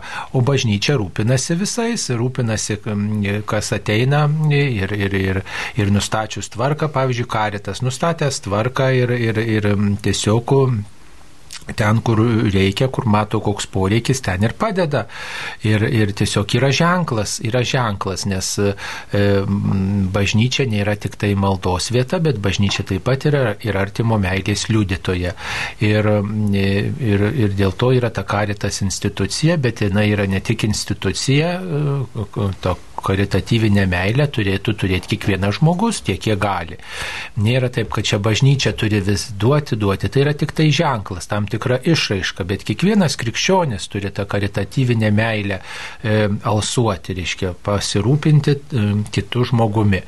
Na va, kiekvienas iš mūsų paklauskite, kiek aš rūpinosi. Jeigu jums nepriimtini pabėgėliai, nenorit juo šelbti, nu nešelbkite, bet šelbkite kitus, padėkit kitiems, kur, kurie neturi maisto, neturi pastogės, o, o bažnyčia padeda tiems, kam, kam, kam tuo metu reikia padėti, kas prašo tos pagalbos, kas atsidūrė bėdoje arba e, štai kokį signalą gauna, kad yra ir bažnyčia, kad yra vargšai, kad yra silpnėjai e, šalia net e, pavyzdžiui ir motinos Teresės seserys teko e, daugybę kartų pas jas lankytis, tai žinot, ten nėra taip, kad bet kada ateisi, bet kada gausi. Yra nustatyta tam tikra tvarka, yra nustatytas tam tikras laikas, kada vargšai priimami, yra nustatyta, kur vargšam galima eiti, kur vargša, vargšų neleidžia eiti. Va, ir, ir, ir yra tam tikra tvarka ir pagal tą tvarką yra ta artimo meilė ir praktikuojama ir teikiama. Štai baigėsi laikas maitinimo, tada jau, na, vargšai, pasakoma, vargšai teikit ar kitą dieną, kitų laikų, nes mes galim tiek, kiek galim. Na tai taip galėtume pasakyti, o visada bus tų nepritekliuje gyvenančių mūsų brolių ir seserų šalia, tai nėra čia bažnyčios kaltė, kad jie gyvena nepritekliuje arba kad jie neturi, nesulaukia dėmesio. Tai yra visų mūsų visuomenės kaltė, visų mūsų visuomenės atsakomybė, kad vieni ir kiti žmonės kažko stokoja. Dėl to mes turim suremti pečius visi ir padėti tiem vargšams. Jeigu jūs žinot, kad ten ar ten gyvena vargšas nepritekliuje, viena, tai jūs pasidomėkite jo situaciją, gal pagalvokit, kokie jam galimi pagalbos būdai. Yra ir Maltos ordinas, yra ir samariečiai, daugybė tų organizacijų, kurios rūpinasi e, silpnaisiais žmonėmis ir nereikia net organizacijų, yra kaimynai, kurie pažįstami, giminės, kurie atneša lėkštės ribos ir pasidomi to žmogaus istoriją. Tai, e, tai tiesiog čia visų mūsų užduotis. Taip, ar turite žinių, kiek įstojo į kunigų seminariją šiais metais, kiek yra kunigų emeritų Lietuvoje? Ar turite žinių, kiek įstojo į kunigų seminariją? Kiek teko girdėti, įstojo trys, e, trys kandidatai parengiamą į kursą. Jie, tie kandidatai mokysis e, telšių kunigų seminarijoje, o visi kiti filosofinių kursų studentai mokysis Kaune, o teologinių kursų studentai mokosi mokosi Vilniuje, Vilniaus Šventojo Jozapo kunigų seminarijoje. Taigi, taip, o dabar kiek kunigų emeritų Lietuvoje, na tai nežinau, čia tos statistikos, tos statistikos neaišku, aišku, reiktų pasidomėti, bet e, e, Lietuvoje yra apie 700 kunigų, nu tai iš jų tikriausiai koks šimtas bus, gal tokių vyresnio amžiaus, kurie jau yra silpnesnės veikatos. Taip, E, gerai, dabar toliau žiūrim, ką galim atsakyti. E, dar viena žinutė. Ar šiandieninė laida bus kartuojama vakare 21 val. 45 minutės. Ši, šį vakarą bus švenčiausio sakramento adoracija, transliuojama iš trakų švenčiausiosios mergelės Marijos apsilankimo bazilikos, ten švenčiami trakų E, mergelės Marijos atlaidai, taip kad šios laidos galėsite klausytis e, internetu. Kokias malonės Dievas dovanoja ir kas yra tos Dievo malonės? Kaip kunigė galėtume atsakyti, kas yra Dievo malonės? Visa, ką Dievas duoda, tai yra malonė. Ir, ir, ir pats gyvenimas yra Dievo malonė, kad mes esame ir kad Jūs galite klausyti, kad mes galime čia bandyti atsakyti į tuos klausimus. E, malonė yra ir kitos malonės, sakramentinės malonės, kurios teikiamos per, per sakramentus. E, tiek krikštas teikia savo malonės, atgailos sakramentas, santokų sakramentas teikia malonės. Taip kad e, malonė tai yra Dievo pagalba vienoje ar kitoje gyvenimo situacijoje, srity ir tos malonės teikiamos veltui. Dievas atėjo tam, kad žmogui padėtų. Taigi, tų malonių, aišku, kas prašo, gauna, reiškia, jų reikia ir melstį Dievą, suprasti, kad tau reikia jo pagalbos, jo malonės. Ir, pažiūrėjai, ar turi kokią nors priklausomybę, prašyti malonės iš jos išsivaduoti, irgi reikia pirmiausia prisipažinti, kad aš turiu tą priklausomybę arba kaž, kažkokį įprotį netinkama prašyti malonės viešpatės, kad jis padėtų išsivaduoti. Taigi malonių yra begalės ir visur vis, vis, viskas yra galima iš Dievo prašyti tų malonių ir jų gauti. Reikia netingėti. Matot, viskas, kas mūsų gyvenime įvyksta, net blogas dalykas gali būti malonė, net nuodėmė, kuri mane ištinka, gali būti malonė. Kuria prasme? Ogi ta prasme, kad dovanoja nuolankumą, dovanoja atgailą, dovanoja savo ribų atradimą, trapumo atradimą. Kitaip sakant, viskas gali man išeiti į gerą, jeigu aš myliu viešpatį ir jeigu klausiu Dievę, ką tu nori man per tai pasakyti, ko, kuo mane nori apdovanoti, net per sunkų dalyką, net per lygą, net per nesėkmę, net per netekti, vis tiek nėra tai tik tai praradimas. Tai visuomet yra ir atradimas, ir tam tikra, na, malonė, kuri kartais gal tikrai mums apkarsta ir mes sakom, nu jau ačiū Dieve už tokias malonės, gal jau tu jas savo pasilik ir nenoriu tokių malonių, nes jos legia, nes jos varžo, nes jos liūdina, nes jos piktina nes jos tiesiog liūdėsi, ašara mūsų gyvenime daigina. Bet jeigu aš tą skausmą pernešu viešpaties akivaizdu, jeigu su juo tariuosi, jam parodau, jį kreipiu, nu, tai tai mane nuskaistina, tai mane nutyrina, tai mane atveria jam, tai nu, įvertina mano gyvenime, mano gyvenimą kaip tam tikrą vis dėlto tik, tikrai didelę dovaną tas mm, skausmingas dalykas ir tikrai subrandina žmogų to, įvairūs net ir skausmingi dalykai, o ką jau kalbėti apie tuos gražius dalykus, kuriuos mes patiriam, bet jie kartais mums tampa vis dėlto ir puikybės priežastim. Pavyzdžiui, žmogus gauna gerą darbą, geras atlyginimas, nu tai kas atrodo, tai tikrai malonė didelė, bet žiūrėk, kaip jis išpuiksta. Jis pradeda nevertinti giminaičių, pradeda į, tiesiog įsivaizdinti, viskas galvoja, kad čia nuo jo priklauso, tampa nemandagu su kaimynais, giminėms, su, su artimaisiais, pradeda tikrai iš aukštų į kitus žiūrėti. Ar tikrai jo dvasiniam gyvenimui tai yra malonė? Viena vertus gerai daug uždirbti, būti turtingam žmogui, bet kita vertus, na, tai yra ir iš didžiulis išbandymas, kurio tas žmogus paprasčiausiai neatlaiko. Taigi nuo mūsų priklauso vienas ar kitas dalykas taps malonė, ar vis dėlto suklupimo akmeniu. Taigi verta vis dėlto bet kurį dalyką, kurį mes patiriam, kurį mes gaunam, svarstyti e, jie, apie jį galvoti ir melstis Dievo akivaizdoje, tiesiog apie tai pasikalbėti, kas mūsų gyvenime ištinka su Dievu, tiesiog apmastyti geriausiai ir švenčiausio sakramento adoracijoje, bažnyčioje, maldoje. Dar galima pridėti apie e, šventai Ignacą Lajolą, jezuitų ordino steigėją, kas jam buvo malonė.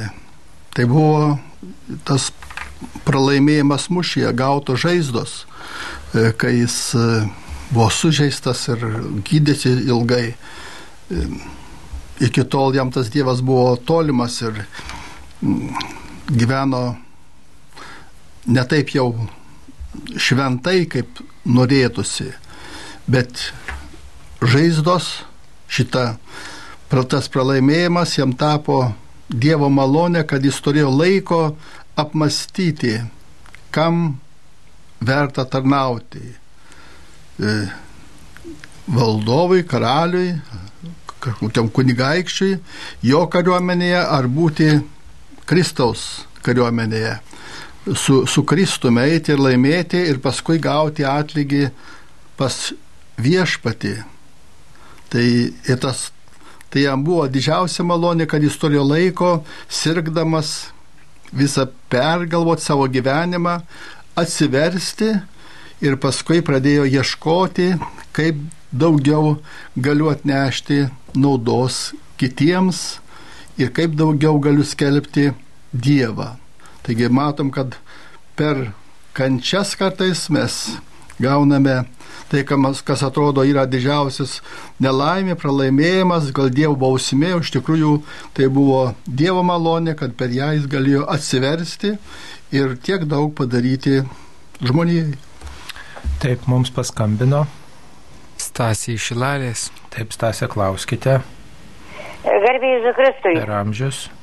Aš norėjau paklausti dėl tų gregorinių mišių dabar, jeigu gyvas žmogus nori užsiprašyti, kad, kad, kad galėtų po mirties, ar yra tokia galimybė mišios susiprašyti ir gautum tik po mirties. Aha. Galėtų. Nu tai matot, Taip, kad visų pirma reikia pasakyti, kas yra grigalinės mišios. Grigalinės mišios yra tokios mišios, kurios aukojamos už mirusį žmogų 30 dienų iš eilės, nepertraukiant. Kunigas įsipareigoja aukoti vienas mišes už tą žmogų per dieną ir 30 dienų be perstojo melstis šitą intenciją. Ir tai yra nuo popiežiaus Grigaliaus laikų tokia tradicija. Turėjo popiežius Grigalius tokių patirčių apie vieną vienuolį kad štai melžiantis būtent tokia malda tikrai tas žmogus sulaukė didžiulio Dievo gailestingumo ir buvo išlaisvintas iš skaistyklos. Tai e, yra ta tokia tradicija bažnyčioje melstis už mirusi asmenį 30 dienų. Dabar būnant gyvam, tuo rūpintis, na tai yra truputį komplikuota. Reiktų nebent sutart su kažkokiu kunigu, kad štai jums mirus tas kunigas e, prisijimtų tą pareigą ir pasimelstų 30 dienų iš eilės. Galbūt jūs galite taip pat ir sutarti su savo artimaisiais ir giminėm, kad e, štai už jūs už jūs mm, kažkas paukotų šventasias mišes, kad štai artimieji pasirūpintų, jog kažkoks kunigas pasimelstų grigališkas mišes. Apie tai galima ir turbūt testamente įrašyti, ne? kad štai palieku, jeigu jūs esat dabar gyva ir norit, kad kažkas jums mirus melstusi, na tai jūs tikrai rašysit testamentą, paliksit kažkam savo santaupą, savo namus, na ir pas, paliksit kažkam ir, ir paprašysit, kad jūs ten ir ten palaidotų ir tokiom aplinkybėm, nu ir visą savo mm, prašymus iš, išvardinsite. Tai galite ir tą parašyti. Man mirus prašau iš mano santaupų skirti auką bažnyčiai ir pra, labai prašau, kad mm, na, būtų pasirūpinta, jog būtų paukotos grigališkos šventosios mišios. Vat už mane. Tokia mano valia. O ne, vat, nu, yra tokia galimybė tikriausiai. Na tai va tokios, tokios kryptis, tokios galimybės, tokie variantai, kuriuos jums galiu pasiūlyti mums paska. Taip. Ir dar galima e, nelaukti, kol po mirties kažkas už mane melstusi. Bet kol esame gyvi, mes turime pasiruošti gerai, gerai numirti. Šventai gyvendami, melsdamėsi, negyvendami sunkioj nuodėmiai, mes esame visada malonės stovyje ir jeigu numirsime, mums tada nebereikės kad kažkas vėl dar papildomai e, prašyti, kad būtų atlaikytos gregorinės mišios, jeigu mes patys ruošiamės tam tai ateičiai, pasiruošime gerai mirščiai arba tiesiog gerai gyvensime, šventai gyvensime, gyvensime su Dievu ir Dievo malonė. Todėl prašykim Dievo malonės, kad tas gyvenimas mūsų būtų nulatinis gyvenimas su Dievu. Taip mums paskambino Skirmantas iš Kauno. Taip, Jėzui Kristai. Per amžius skirmantai, klauskite. E, ačiū labai už, už jūsų puikią laidą. Norėjau paklausti, kaip jūs e, žiūrėtumėt į žmonių rušiavimą į gerus ir blogus, naudojant galimybių pasą. Ir kokia turėtų būti e, jūsų manimų kataliko krikščionio laikysena. Nu, katalikų krikščionio laikysena tikrai neturėtų rušiuoti žmo, žmo, žmogaus, neturėtų rušiuoti žmonių į tuos gerus ar blogus, tiesiog um, yra mūsų elgesys geras arba blogas, nuodėmė arba darybė mūsų gyvenime. Ir tai mes kartais um, truputį į vieną ar kitą pusę, truputį tos nuodėmės, truputį darybės yra, o žmonės yra visi geri. Aišku, tas um, tas visa čia skiepų politika labai supriešino visuomenę ir, ir, ir tikrai vieni, vieni už, kiti prieš. Tikrai tai yra, tai yra be galo na, toks skaudus dalykas visuomenėje ir tikrai tai ne iš Dievo. Ir, ir užšiavimas žmonių, ir tai ir vieni galės, kiti negalės, tai yra nu, tam tikra skriauda vis dėlto žmogui. Ir, ir vieni tarsi pirmą rūšiai, kiti tarsi antrą rūšiai. Ne? Tai neturėtų tai būti. Na, turbūt reikėtų kalbėti apie, kodėl, sakykime, reikia skiepytis ir, ir argumentus išdėlioti. išdėlioti dėstyti, o tie, kurie nesiskiepija, na tai suprasti tiesiog juos ar ne, pabandyti vis dėlto kviesti, kad ne padidinto saugumo laikytųsi, kaukės nešiotų ir, ir tikrai na, vengtų kiek įmanoma tų kontaktų ir panašiai, o kad ten kažkur neįleisti, kažkur, kažkur laikyti kažkokiu raupsuotų, paženklintų arba nepaženklintų ir, ir tada jau bus niekam tikęs tas žmogus, tai tikrai na, yra žmogaus orumo tam tikras e, paminimas. Aš taip svarstyčiau šitą klausimą.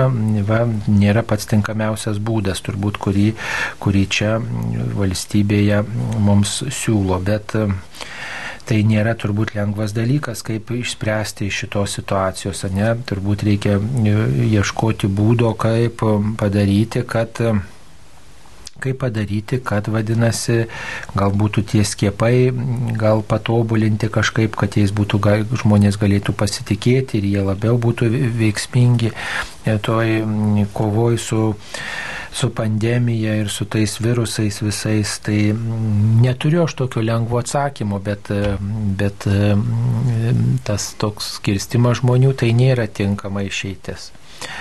Taip, kunigė, nebent jūs ką pridėtumėt, kaip jūs manytumėt. Aišku, čia apie gerumą ar blogumą žmogaus e, ne, ne, negalima spręsti. E, čia ne mes negalime nuspręsti, reiškia, čia Dievas sprendžia. Aišku, tie skiepai, jeigu tai, tai yra iš tikrųjų pagalba žmonėms, kas juos priima, kas supranta.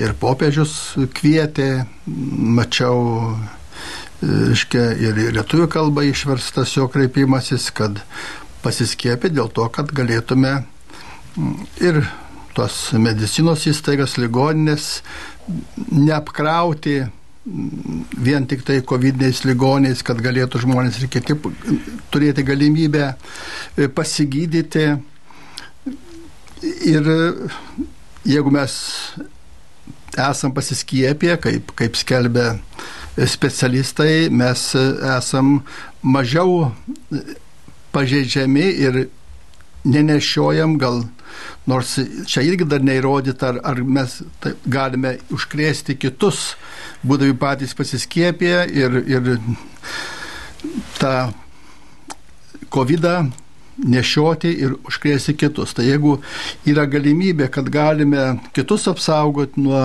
sunkių lygų, nuo mirties arba padėti kitiems, tai, tai tokia artimų meilės galbūt pareiga būtų, kas gali, aš irgi prieš tą prievartą, bet kas gali pasiskiepyti. Ir čia kiekvieno žmogaus laisvas apsisprendimas. Taip, bet jokios prievartos čia būti turbūt negali šitoje vietoje ir, ir tikrai reikia labai išmintingai žiūrėti, kad neusidegtume neapykantą ir, ir valstybės pareigūnams mm, ir kita vertus na, žiūrėtume, ką galime padaryti. Tikrai mm, Dievo rankoje mūsų gyvenimo istorija ir Ir tikrai svarbiausia mums nenusiminti ir ne, tiesiog nepamesti artimo meilį savo širdį, tiesiog e, žiūrėti, stebėti, laukti specialistų komentarų, tarti su gydytojais, pasitarkit su savo šeimos gydytojais, su kitais gydytojais, tarkitės, kurie nusimano apie tuos skiepus ir, ir, ir apie jūsų sveikatą, apie jūsų konkrečią situaciją, kaip jūsų sveikatą tai veikia, kaip jūs, jūs kitus dalykus pernešat. Ir, ir tai svarbiausia svarbiausia. Ne? Bendra nuostata yra, kad skiepai pagalba, e, skiepijasi e, tie, kas gali ir tai yra na, būdas suvaldyti pandemiją ir, ir, ir įvairios institucijos, įvairius pareigūnai, įvairius žmonės, dideli garsus ir, ir, ir ir specialistai tą rekomenduoja daryti, bet taip pat reikia atsižvelgti ir į savo konkrečią situaciją ir pasitart su savo aplinkos specialistais, kurie jūs pažįsta, jūsų sveikatą žino, reiškia, kaip jums konkrečiai elgtis. Mes per radiją, ką mes galim patarti, mes galim pritarti bendrai nuomonė, kuri, kuri yra skelbiama, o, o e, kuri yra, reiškia, į, į kurią visi kviečia, kuri, bendrai kuriai visi pritarėm, kad tai yra išeitis šitoje situacijoje, bet yra visokių turbūt ir išimčių ir į tas išimtis reikia atsižvelgti. Aišku, yra ir daug nežinomų dalykų, bet čia palikim specialistams, ne mūsų kompetencijoje tai svarstyti. E, taip, dar viena žinutė. Mirė vyras prieš vienerius metus, buvom įsiskyrę, įsiskyrėm prieš 20 metų. Supratau, kad tai mano žmogus. Abu palaikėme ryšį, net įsiskyrę. Vyro brolis net nepakvietė į metinės, gailiuosi dėl skirybių, ar galiu dalyvauti pamaldose, kaip man elgtis. Aišku, kad dalyvaukite.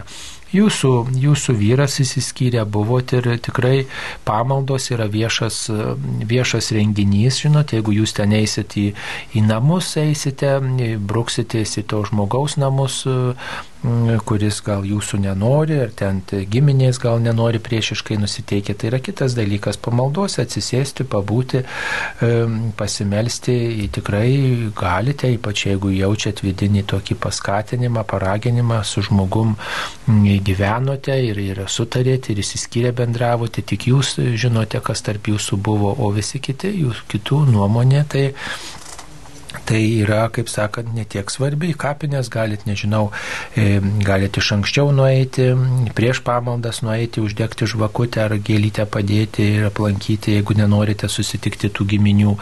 Ar kaip, žodžiu, žiūrėkit, kaip tie giminės jūs priima. Na tai tiesiog labai, labai taip išmintingai, jautriai tą padaryti, bet va, tikrai aplankyti kapą galite ir kitų laikų, dieną prieš tas metinės, o, o pamaldose tai tikrai pritarčiau, kad galite ir būtinai dalyvaukite. Tiesiog, nu, o ką, kas nori, tas tą galvoja. Jūs atėjot pasimelsti, jūs atėjot um, diev, kreiptis į Dievą ir tai nieks negali išvaryti žmogaus iš pamaldų, kuris pamaldžiai elgesi ir netrikdo pamaldų tvarkos.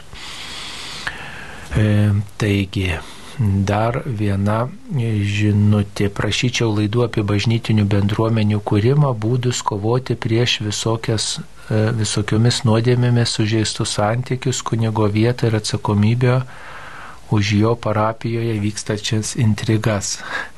Nu, kunigas už intrigas tikrai nėra atsakingas, nebent pats prie jų prisideda, nebent pats e, palaiko jas ar panašiai, bet, žinot, kur bendrauji su įvairiais žmonėmis ir tada taip atrodo, kad kartais kunigas jau čia ir tas intrigas rezga, jeigu kalbasi su tai žmonėm, kurie visokios valios pilni tai visokių minčių pilni ir, ir visai pelgėsi. E, tai daugybė yra tų laidų apie bendruomenių kūrimą, e, nu tai kokią čia laidą galima padaryti, nu tai kaip kuriama bendruomenė, nu tai kiekviena bendruomenė kuriama pagal savus principus. Parapija kaip funkcionuoja, nu tai vėlgi parapija steigia vyskupas, žmonių prašymu ir, ir tiesiog yra parapijos vadovas, kunigas ir, ir žmonės, kurie yra jo bendradarbiai, pastoracinė taryba, ekonominė taryba, bendradarbiai įvairūs ir E, o kaip kovoti prieš nuodėmėmis sužeistus santykius, na tai mm, mes nuolat tokias laidas rengėme, kaip kovoti prieš nuodėmėmis sužeistus santykius. Pirmiausiai pačiam nesusitepti tą nuodėmę vieną ar kitą, nepritarti blogiui, nepritarti nuodėmiai Ir galbūt jeigu matot, kad žmogus blogos valios, intrigauja, plėtkus nešioja, gandus nešioja, kažpuikybės pilnas, nu tai atsiribokit nuo tokio žmogaus ir viskas. Bet žinokit, kad nėra tobulos bendruomenės, nėra šventos bendruomenės, kurie visi būtų angelai. Jeigu tokie žinot, prisijunkit ir tikrai nebus jau ten tokia šventa. Pamatysit iš arti. Mm, tai Tai ačiū už pasiūlymus, bet e, nežinau tiesiog kaip konkrečiai atsiliepti. Tiesiog gal jūs galite ir bendradarbiauti, pavyzdžiui, pati e, e, e, tiesiog prisidėti prie tokios laidos kūrimo. Mūsų radijas yra savanorių radijas, čia daugybė žmonių dalyvauja arba pavienę laidą, pavyzdžiui, padaro, arba, arba ciklą laidų, arba, arba ilgesnį e, laidų rinkinį pasiūlo klausytojams. Tai tikrai maloniai kviečiame visus bendradarbiauti ir renkti laidas? Visada buvo ir bus žmonių nuomonių skirtumų.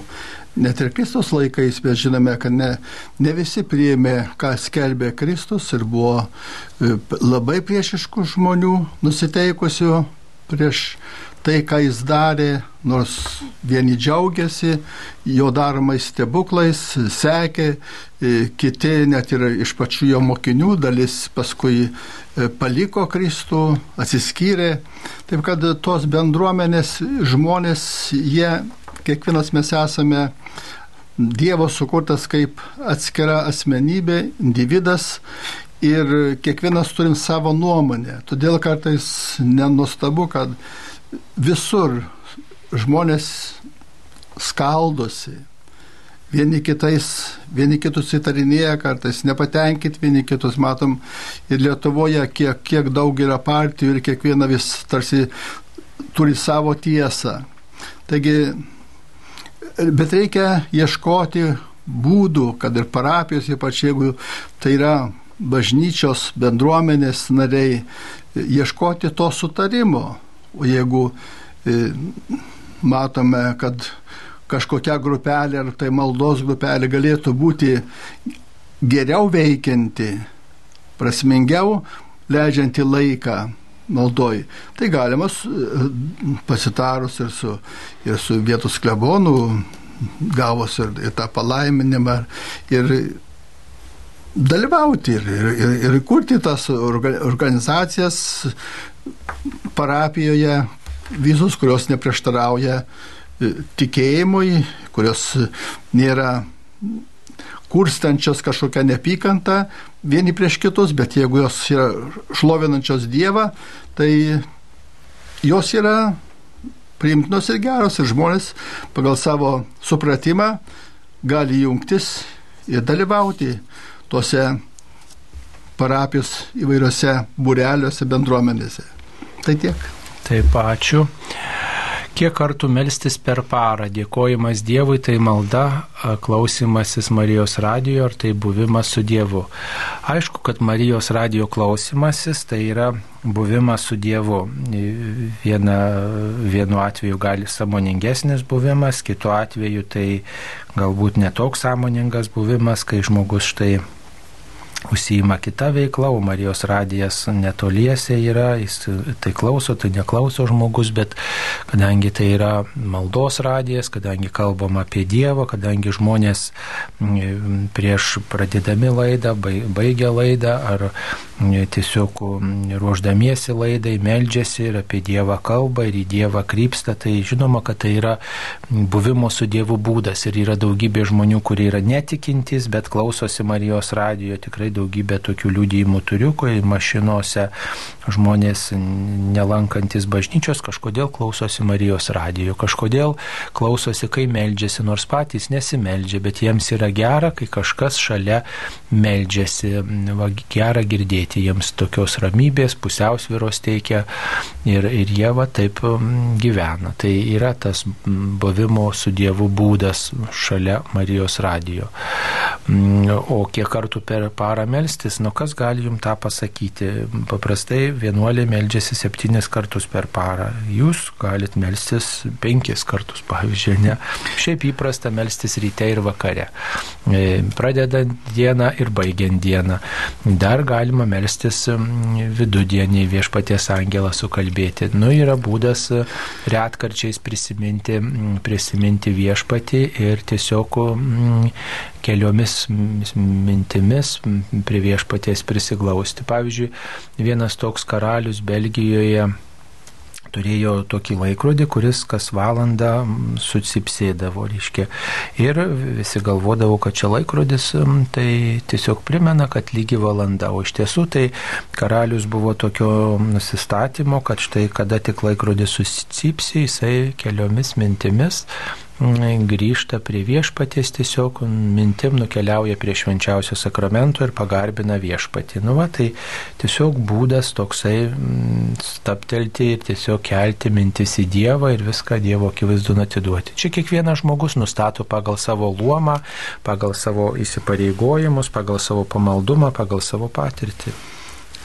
Ir dar yra ir šventam rašte parašyta, visą, ką darote, darykite Dievo garbiai.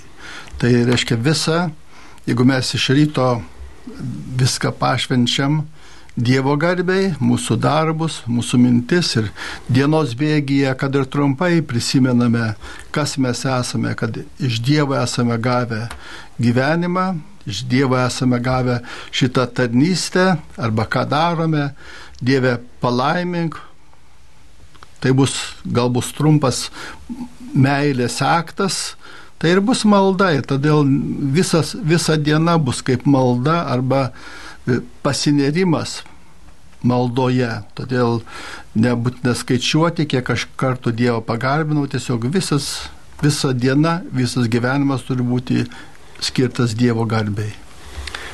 Taip. Dar apie vargšus. Sako, kodėl Lietuvoje niekas netikrina vargšavimo kilmės, dauguma iš jų tinginiai sukčiaujantis valstybės biudžeto sąskaita. Jie taip pat prisišlėja prie visų karitatyvinių organizacijų ir naudoja jų teikiamą pagalbą. Visko pasinaudoja, gėda sakyti, kas stovi eilėje prie ribos, parazituoja begėdiškai, tingi, girtokliauja ir juokiasi iš mūsų, kurie juos vargšais vadiname.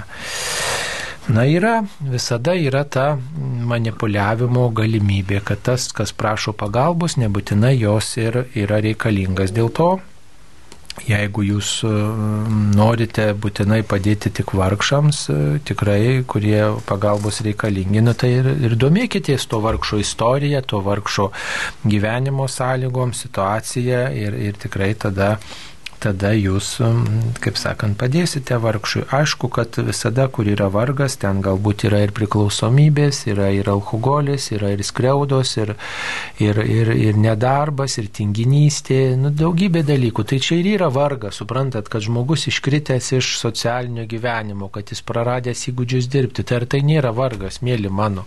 Ar apgaudinėti žmogų, manipuliuoti, ar tai nėra vargas? Tai jis yra vargšas, tikras vargšas, kai jisai apgaudinėja, kad jisai vat, manipuliuoja, kad jisai galėtų dirbti ir dirba ir turi, bet, bet jisai nedirba, ne, jisai dar apsimeta tokiu, nu, tai irgi var, vargšas. Vargo formų visokių yra, bet tai ką daryti su tuo, nušauti tą žmogų ar, ar ką padaryti. Taigi vis tiek e, mes būsim teisiami tiek, kiek mylėjom, tiek, kiek mes parodėm širdies. Tai yra jo atsakomybė prieš Dievą. Ar mes jau visada esam tokie, kaip sakant, jau tyri kaip krištolas, ar mes mes niekada neapgaudinėjam, nemanipuliuojam.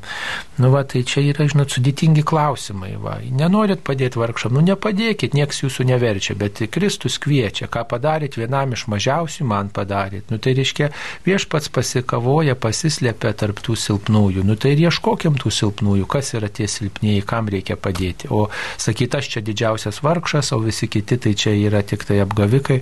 Tai yra puikybė, tai yra širdies užkėtinimas.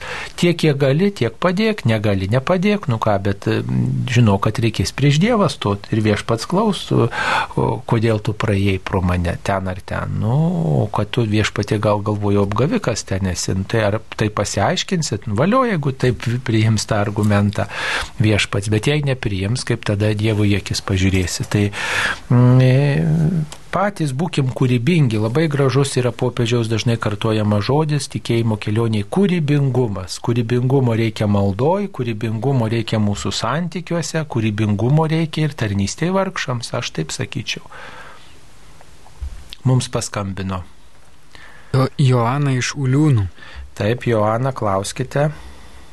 Garbė Jėzų Kristų. Per amžius, amen. O čia du pirmiausia noriu padėkoti Algai Badiuliui kunigui, kada prieš daug metų jis mus aptardavo. Ar prisimenat ar ne? Kaip neprisiminsi, labai prisimenu gerai. Nu, va. Liūnus. Taip. Taip, kažu dabar jau jūs antrą kartą radijoje būnat Ir anakart nedrįsau du šiandien sakau, reikia padėkoti. Taip, nu, nu tai pasilgau dabar, nu kur, ne, kad jaunystė būtų, tai gal nuvažiuočiau ar kur, o čia irgi nebeatvažiuojat niekur. Taip gražiai kalbat apie maldas, apie viską. Ir va, labai ačiū, kad girdžiu kalbą va šiandien. Ačiū jums, ačiū Jums už gerus žodžius. Tai gal, mėla Joana, ko paklausti norit, kaip tik tai va kunigo Algio Baniulio, paklauskit ko nors apie tikėjimą, apie maldą, kas rūpi, klausykit. Pris... Nu, va, apie maldą galiu paklausti, kaip sakė dabar, kad meldžiasi. Aš, nu, kaip dabar pasakyti, su radija visą laiką beveik gyvenu. Klausau, bet būna toks momentas, nu, pavaikščioti laukia šalta ar kur tai vaikštau vat po kambarį ir kalba rožinį. Ir vaikščiodama kalbu rožinį. Nu, bet aš vaikštau su rementais, kitaip negaliu, rožinę neturiu rankoj. Nu, gal sakau, galima šitaip kalbėti. Aišku, kad galima, visai galima melstis. Pagal, pagal galimybės, aš irgi matau vaikštant ir aš kar, pats kalbu, dažnai vaikščiodamas matau kartais ir kardinolas praeina e, Kauno santokoje ir arkiviskopas e, su žančiumi rankose, taip kad e, visada ir visai svarbu pagarba e, maldai, supratimas, ką tu darai, kad net ne taip savo automatiškai žodžius kartoji, bet tu jauti, kad tu meldiesi, šlovini, dėkoji Dievui, motinai Marijai. Tai smagu girdėti ir tegul Dievas laimina jūs. Aš radiją kaip klausau, va kaip sako visas ten tas homilijas, viską pamokslus. Aš štyriai klausau ir seku, man atrodo, kad aš ir pasideldžiu kartu. Taip, nes, nes e, juk per Marijos radiją tai yra, yra, daug maldų, laiko skiriama maldai ir, ir rožnis, ir šventos mišios, daug kas dalyvauja nuotoliniu būdu šventose mišiose, tai labai gražu. Niekad nepraleidžiu, rožinę niekad nepraleidžiu, o šiandien adoracijai naktį buvo, tai biškai pamegojau ir paadoravau. Nu, maldoje ir maldoje nežinau, ar gerai melžiuosi, ar ne šitą negaliu pasakyti. Atrodo, kad taikau, stengiausi gerai melsti. Taip, tai Dievas, jeigu jau jaučiatės, kad gerai, tai Dievas tikrai priima, kai nėra pykčio širdį, kai yra tik tai meilė Dievui ir, ir noras e, žmonėms padėti, tai turit gerą širdį ir tegul Dievas jūs laimina toliau. Ir jums tai taip pat Dievo palaimos, viską, ačiū labai, kad vis truputį atsiliepėt, padėkoju, nu, Dievo palaimos, sveikatos. Ačiū labai. Ačiū, Ačiū mėla Joana, e, malonu, kad jūs esat mūsų Marijos radio klausytoje, Dieve laimink jūs. Taip, toliau tęsėme mūsų e, e, atsakymus į klausimus, kuriuos jūs atsiunčiate mums, mėlyjeji klausytojai. Kodėl be skiepų Dievas neapsaugo? Nu, matot, Dievas neapsaugo, neapsaugo Dievas taip, kaip mes norėtume, kaip mes matome. Dievas saugo, bet jis turbūt turi ir savo planą mūsų gyvenime. Ir tiesiog vis tiek kažkokia priežastis turi būti mums iškeliauti iš šito pasaulio. Ir taip yra, kad ir žmogus numiršta, vis dėlto Dievas neapsaugo, bet, reiškia, jis jau atlieka savo misiją. Tai atliko savo misiją žmogus ir iškeliauja dėl kažkokios priežasties ar lygos, ar senatvės, ar panašiai. Ir, ir štai ta, šitie, šita pandemija juk yra irgi Dievui aiškiai, kad žinomas dalykas ir Dievo planuose tai irgi yra.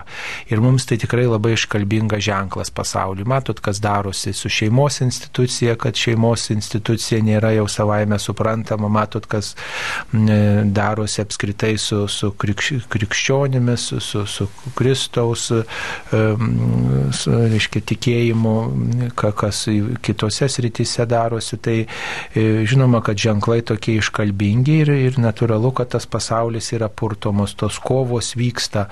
Ir, ir į ką mes renkamės, ar ne, ar mes bet kokią kainą laikomės įsikibę, ne šito pasaulio ir ne čia privalo Dievas mus apsaugo. Taip, Dievo prašom pagalbos ir išnaudojam priemonės kaip sveikatą stiprinti, bet kita vertus vis tiek visų mūsų užduotis yra stoti Dievo akivaizdon, ruoštis mm, išvysti viešpati veidas į veidą.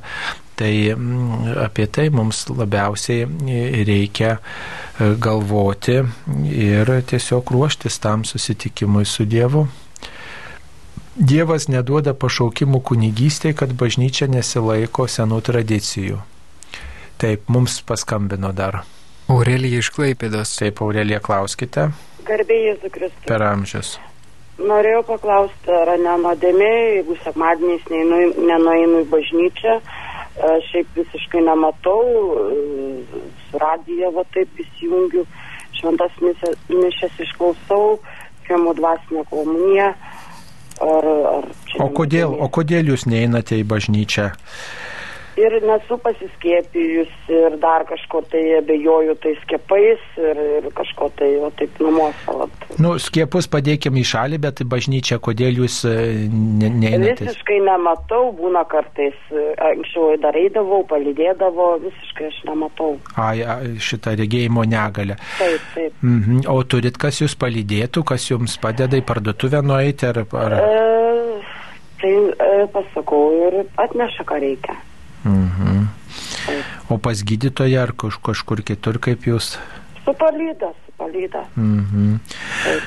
Nu tai tikriausiai gali tos palydos reikėtų ir sekmadienį paprašyti, paprašyti tiesiog, kad kažkaip arba ir šiokiadienį, šeštadienį vakare, pavyzdžiui, gal yra tokia galimybė būtų būtų priimti komuniją gyvai, žinot, vis tiek tai yra didelė malonė. Galbūt ieškokit būdo, kad ir sekmadienį kažkas jūs palydėtų, galbūt su kaimynais e, pa, pa, pakontaktuokite, galbūt jūsų gatvėje gyvena kažkas, kas eina, važiuoja į bažnyčią ir jūs galite tiesiog palydėti, nuvesti, parvesti, tai tiesiog artimo meilės darbas, tas žmogus supelnys atlaidų malonę, padėdamas ligoniui, padėdamas žmogui, kuris turi negalę. Tai tikrai e, bent jau retkarčiais priimti šventą komuniją reikėtų, žinot, aišku, žmogus sutrukdytas yra dėl savo sveikatos dalyvauti mm, mišiuose, ne, ne, negali, bet, bet reiškia gal vis tiek pan, ieškoti būdo, kaip priimti komuniją gyvai. Matau, tas gyvas dalyvavimas mišiuose, tai žinot, čia ir didelė malonė jums ir taip pat jūs pasitarnautumėt, kad ir kitas žmogus jums padėdamas patirtų malonę, patirtų tą artimo meilės pagalbos skonį, kad reiškia palydėti artimą žmogų, kaimyną, ten pažįstamą į bažnyčią ir kuris nelabai galint, tai yra didelė, tai didelis darbas, didelis artimo meilės darbas, klausykit, kurį galite atlikti. Ir tikrai, žinot, jau labai bartini pačiais griežčiausiais žodžiais jūsų aplinko žmonės, jūsų aplinko gyvenantis katalikai, jeigu jie šitos nepanaudoja šitos galimybės. Ir tikrai jų yra atsakomybė šiek tiek, kad ir jūs nedalyvaujat mišiuose, ar ne, kad jūsų nepalydė. Nu, kokia čia artimo meilė, kas iš tokio tikėjimo, jeigu žmogus tik tai Dieve, Dieve, Dieve, Dieve, o reiškia va šalia artimas žmogus vienas sėdi savo ir jisai ne, nedalyvauja mišiuose. Tai ar ne, nėra tas pabartinas toks krikščionis, klausykite, tikrai reikėtų, reikėtų krikščionėms susimastyti jūsų aplinkoje gyvenantiems. Tikrai jūs jų paprašykit, jūs nelikit abejinga, bet jūs paprašykit, užminkit jiem ant sąžinės, kad jie tikrai padarytų artimo meilės darbą, palydėtų žmogų su negale į mišes. Tikrai tegul ir kiti mato, kad net žmogus su negale ateina į mišes, bent retkarčiais ateina ir pasistiprina viešpačiu. Va ir tai paskatinimas tam, kuris rankas kojas turi sveikas, mato, orientuojas, nieko neskauda, o jisai tingi paprasčiausiai arba nėra jo intencijos. Tai tikrai stenkitės stenkitės prašyti pagalbos, kad jūs palydėtų ir tikrai užminkit ant sąžinės. Mums paskambino. Zofija iš Klaipėdos. Taip, Zofija. Gerbėsiu Kristus. Per amžius. Čia aš taip pat noriu tai, tai ar merginai, ir moteriai pritarti, aš taip pat nematau. Žinokite, kad socialiniai darbuotojai yra mokami ir tik padeda, nu, dvi valandas ir asistentai mokami, mes negalime tiek prisisamdyti, tai yra viena. O kaimynai, kad ir eina į chorą, nu nežinau, nėra, nėra švento vandens pasiūlė gal tau parnešti. Ir, ir gėda chorė ant kūrų stovi. Aš pati esu iš, išgėdojusi taikos karalienės 12 metų. Bet aš turėjau tokią močiutę, jinai mane lydėjo jau amžinatelės, žinot, suprantat, kunigė, nėra taip paprasta prašyti, užtenka darbo dienom priprašai į vaistinę, į polikliniką. Nu, o, o mm. šeštadienį, sekmadienį socialiniai darbuotojai nedirba. Taip, suprantu, suprantu ir pritariu jums tikrai, neprisamdysiu žmonių, bet žinot, jau tikrai pasaulio pabaiga. E, tiesiog, jeigu jau į bažnyčią reikia samdyti, kad kas nors palydėtų žmogų, kuris visai netoli gyvena. Tai ko mūsų ta krikščionybė tada verta? Katalikai Lietuvos, ko jūsų tikėjimas vertas? Katalikai Lietuvos, tai ar jūs tik tai maldas kalbate, ar jūs norite pagal tas maldas gyventi? Nu, tai tai klausykit, ko, ko, ko toks kataliko gyvenimas vertas, jeigu jis tik tai apie save pagalvoja, ateina, aš pasimeldžiau, o tu šalia, kad ir žinokis. Tai, tai čia ir yra artimo meilė. Tai tikrai įsipildys to žmogaus gyvenime viešpatės pasakyti žodžiai. Ne, ne visi, kurie šaukia viešpatė viešpatė, jie įsi Dievo karalystę. Tie, kurie choruose gėda, jie tiesiog gal, nu, kągi, nematys viešpatės veido, jeigu jie nepatarnauja tam žmogui, kuris prašė pagalbos अवस्था kuris prašė to palydėjimo. Tai čia ir yra vat, reformacija bažnyčios reikalinga, parapijų reformacija reikalinga, mūsų krikščionybės reformacija reikalinga, mūsų visų pertvarkymas tikėjimo reikalingas, kad mes nebūtume abejingi, abejingi šalia gyvenančiam, abejingi tiems, kurie gyvena šalia mūsų, kad mes palydėtume vieni kitą į bažnyčią ir nereikalautume už tai užmokesčių. Tai yra artimo elementariausias meilės darbas. Tai tikrai egzaminą laikom ne pačiu geriausiu pažymiu, gal visai neišlaikom egzaminų, krikščionybės egzamino neišlaikom. Tai tikrai, žinot, dėl to tam pasaulyje ir yra tokių, tokių, sakyčiau, blogybių, kad mes krikščionys nesam tokie, kokie turėtume būti. Mes visi nesam tokie, kokie galėtume būti. Tai tikrai priimu jūsų jūsų mintį ir kartu kviečiu visus, visus nebūti abejingais ir, ir padėti tiem žmonėms, kurie prašo pagalbos, kurie prašo palydėjimo, nesakau finansinės, bet vat, laiką skirti, ranką ištiesti, palydėti žmogų, parnešti duonos, parnešti vaistų nemokamai ir patirti gero darbo darimo džiaugsmą. Tai vat, čia ir bus karitas, didžiausia pagalba. Va, ir, ir nereiks nei pabėgėlių įsirūpintis nieko, jeigu mes vieni kitiem būsim mėla širdingesni. Taip, tai turime čia sustoti, um, tiek suspėjome atsakyti, į kitus klausimus atsakysime kitose laidose. Ačiū kunigui Elgiui Baniuliui iš Jėzuitų vienuolijos, iš Kauno Pranciškaus Ksaverų bažnyčios, kuris dalyvavo šioje laidoje. Prie mikrofono taip pat buvo aš kunigas Saulis Bužauskas. Būkite palaiminti ir nestukokite artimo meilės. Ačiū sudė. Sudėjau.